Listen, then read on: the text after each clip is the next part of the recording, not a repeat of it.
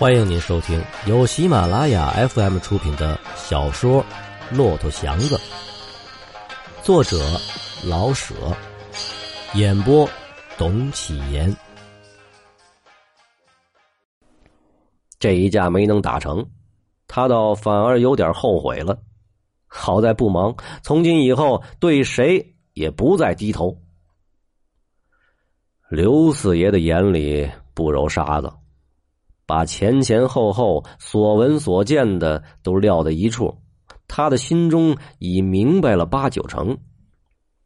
这几天，姑娘特别的听话，哼，因为祥子回来了，看他那眼，老跟着他。老头子把这点事儿存在心里，就更觉得凄凉难过。想想看吧，本来就没有儿子。不能活活支支的凑起个家庭来，姑娘再跟人一走，自己一辈子算是白费了心机。祥子呢，的确不错，但是提到儿婿两当，还差得多呢。一个臭拉车的，自己奔波了一辈子，打过群架，跪过铁锁，临玩叫个乡下脑袋，连女儿带产业全搬了走，没那个便宜事儿。就是有，也甭想由刘四爷这得到。刘四自幼便是放屁崩坑的人。下午三四点钟，还来了些拜寿的，老头子已觉得是索然无味。客人越称赞他硬朗有造化，他越觉得没什么意思。到了掌灯以后，客人陆续的散去。只有十几位住得近的和交情深的还没走，凑起麻将，看着院内的空棚被水月灯照得发青，和撤去围裙的桌子，老头子觉得空寂无聊啊，仿佛看到自己死了的时候，也不过就是这样，不过是把喜棚改做白棚而已。棺材前没有儿孙们穿孝跪灵。只有些不相干的人们打麻将守夜。嘿，他真想把现在没走的客人们赶出去，趁着自己有口活气儿，应当发发威。可是到底不好意思拿朋友杀气，所以怒气便拐了弯越看姑娘是越不顺眼。祥子在棚里坐着呢，人模狗样的，脸上的疤被灯光照得像块玉石。老头子怎么看这一对儿是怎么别扭。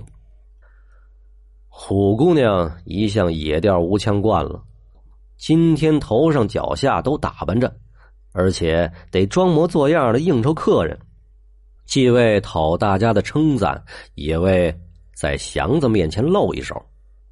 上半天倒觉得这怪有意思的，赶到过午，因有点疲乏，就觉出点讨厌。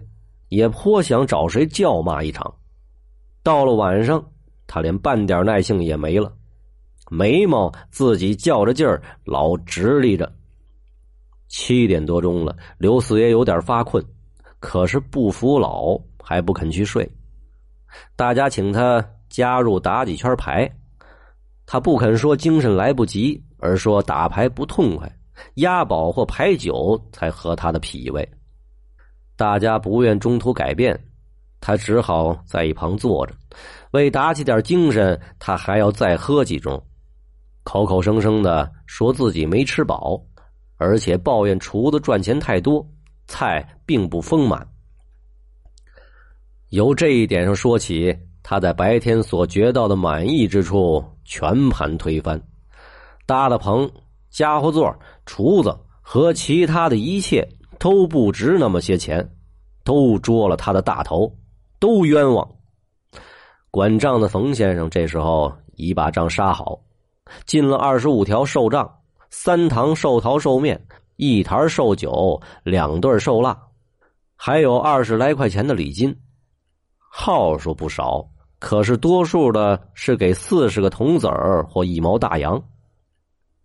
听到这个报告，刘四爷更火了。早知道这样，就应该预备炒菜面了。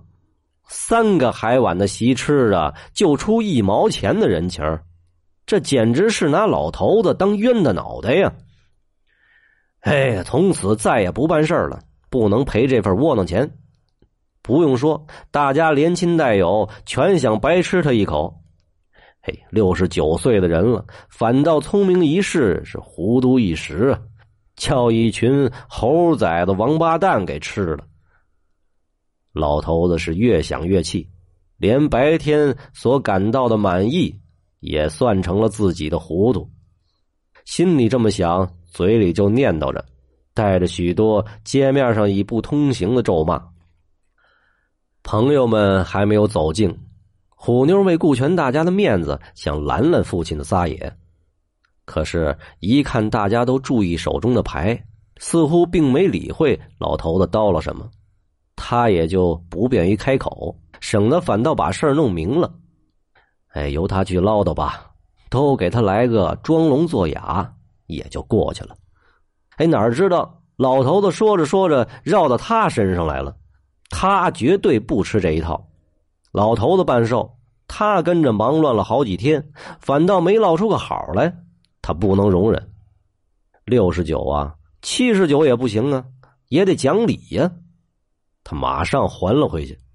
嗨，你自己花钱办事儿，碍着我什么了？老头子遇到了反攻，精神猛然一振，碍着你什么了？简直了，就跟你，你当我眼睛不管闲事儿呢？嘿，你看见什么了？哎，我受了一天的累，临完了拿我撒气呀？先等等，说吧，你看见什么了？虎姑娘的皮乏也解了，嘴非常的灵便。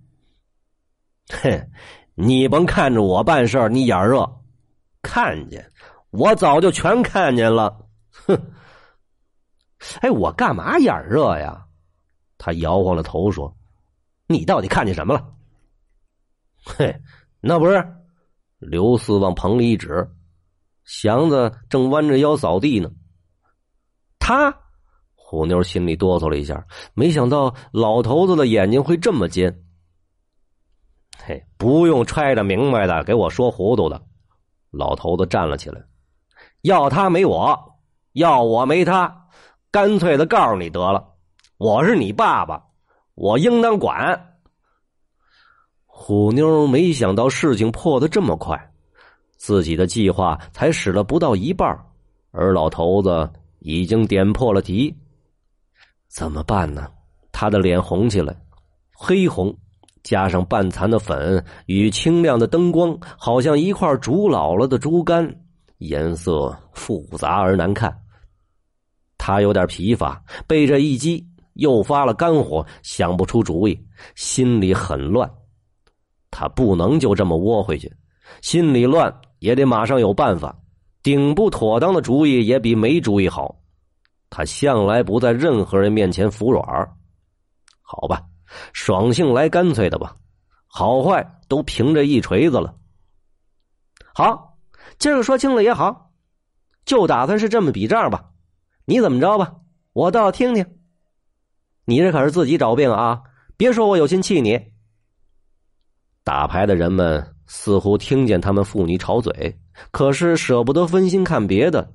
为抵抗他们的声音，大家把牌摔得更响了一些，而且嘴里叫唤着：“哎，红的发财碰！”祥子把事儿已听明白了，照旧低着头扫地。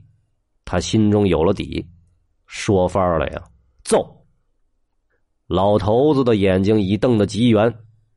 你这是简直要气我吗？把我气死，你好去倒贴？嘿，甭打算，我还得活些年呢。甭摆闲牌，你怎么办吧？虎妞心里扑通，可是嘴里还很硬。嘿，我怎么办呀？不是说过了吗？有他没我，有我没他，我不能都便宜了个臭拉车的。祥子。这时候把扫帚扔了，直起腰来，看准了刘四，问：“说谁呢？”刘四狂笑起来：“哈哈哈哈你这小子要造反呢？你说你呢？你给我马上滚！看着你不错了，赏你脸，你敢在太岁头上动土？我是干什么的？你也不打听打听？滚！永远别再叫我瞧见你，上他妈这儿来找便宜来了啊！老头子的声音过大了，招出来几个车夫来看热闹。打牌的人们以为刘四爷又和车夫吵闹，依旧不肯抬头看看。祥子没个便利的嘴，想要说的话很多，可是一句也不到舌头上来。他呆呆的站在那儿，直着脖子咽唾沫。给我滚！快滚！上这儿来找便宜来了。我往外掏坏的时候还没有你呢，哼！老头子有点纯为吓唬祥子而吓唬了，他心中恨祥子，但并不像恨女儿那么厉害，就是生着气，还觉得祥子的确是个老实人。好，我走。祥子没话可说，只好赶紧离开这里。无论如何，斗嘴他是斗不过他们的。车夫们本来是看热闹，看见刘四爷骂祥子，大家还记得早晨那一场，觉得很痛快。及至听到老头子往外赶祥子，他们又向着祥子了。祥子受了那么多累，过河拆桥吗？这不是？老头子翻脸不认人，他们替祥子不平。有的赶过来问：“，怎么了，祥子？”祥子摇了摇头。祥子，你等等走。虎妞心中打了个闪似的，看清楚了，自己的计划是没多大用处了。急不如快，得赶紧抓住祥子，别鸡飞蛋也打了。咱俩的事儿啊，一条绳拴着俩蚂蚱，谁也跑不了。你等等，等我说明白了。他转过头来，冲着老头子，干脆说了吧，我已经有了祥子的，他上哪儿我上哪儿。你是把我给了他呢，还是把我们俩一起赶出去？听你一句话。虎妞没想到事情来这么快，把最后的一招这么早就拿出来。刘四爷是更没想到事情会弄到了这步天地，但是事已至此，他不能服软特别是在大家面前。你真有脸往外说呀，你啊！我这老脸都替你发烧，他打了自己个嘴巴，呸！好不要脸呢！打牌的人们把手停住了，觉出点不大是味儿来，可是糊里糊涂，不知是怎么回事搭不上嘴。有的站起来，有的呆呆的看着自己的牌。话都说出来了，虎妞反倒痛快了，我不要脸。别叫我往外说你的事儿啊！你什么屎没拉过呀？我这才头一回，还都是你的错。男大当娶，女大当聘，你六十九了，白活。这不是当着大伙儿，他向寺里指了一下。咱们弄清楚了顶好，心明眼亮。就是这喜棚，你再办一通事儿得了。我刘四爷的脸由红而白。把当年的光棍劲儿全拿了出来。我放把火把棚烧了，也不能给你用。虎妞的嘴唇哆嗦上了，声音非常的难听。好，我卷铺盖走。你你给我多少钱？嘿，钱是我的，我他妈爱给谁给谁。老头子听女儿说要走，心中有些难过，但是为了斗这口气，他狠了心。你的钱，我帮你这些年了，没我，你想想，你的钱不都填给那些野娘们才怪。咱凭良心吧，他的眼又找到祥子，你说吧。祥子直挺挺的站在那儿，没有一句话可说。讲动武，祥子不能打个老人，也不能打个姑娘，他的力量没地方用。耍无赖，只能想想，耍不出。论虎妞这个人，他满可以跺脚一走。为目前这一场，他既然和父亲闹翻了，而且愿意跟他走，骨子里的事儿没人晓得。表面上他是为祥子而牺牲，当着大家的面他没法不拿出点英雄气儿来。他没话可说，只能站在那里等个水落石出。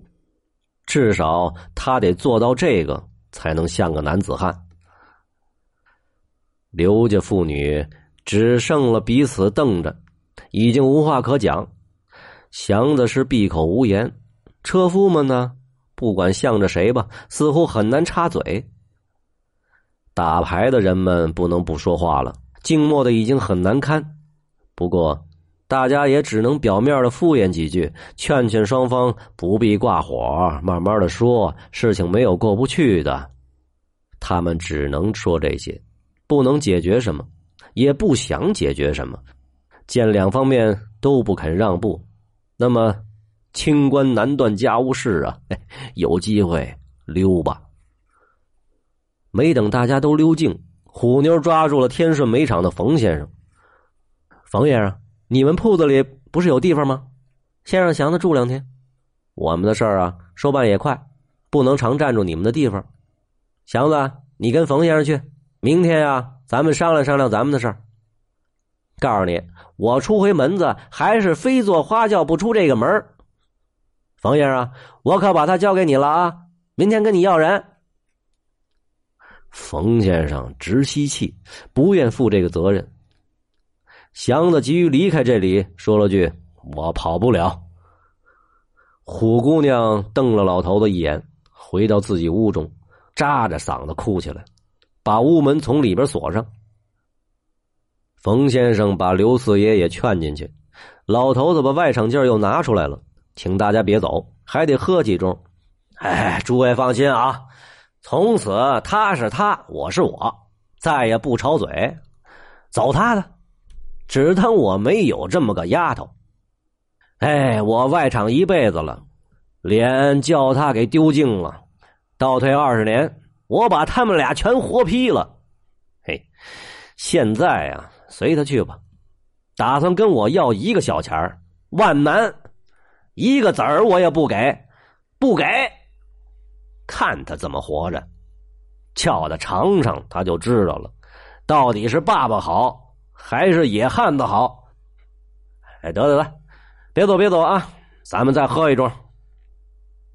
大家敷衍了几句，都急于逃避是非。祥子上了天顺煤厂。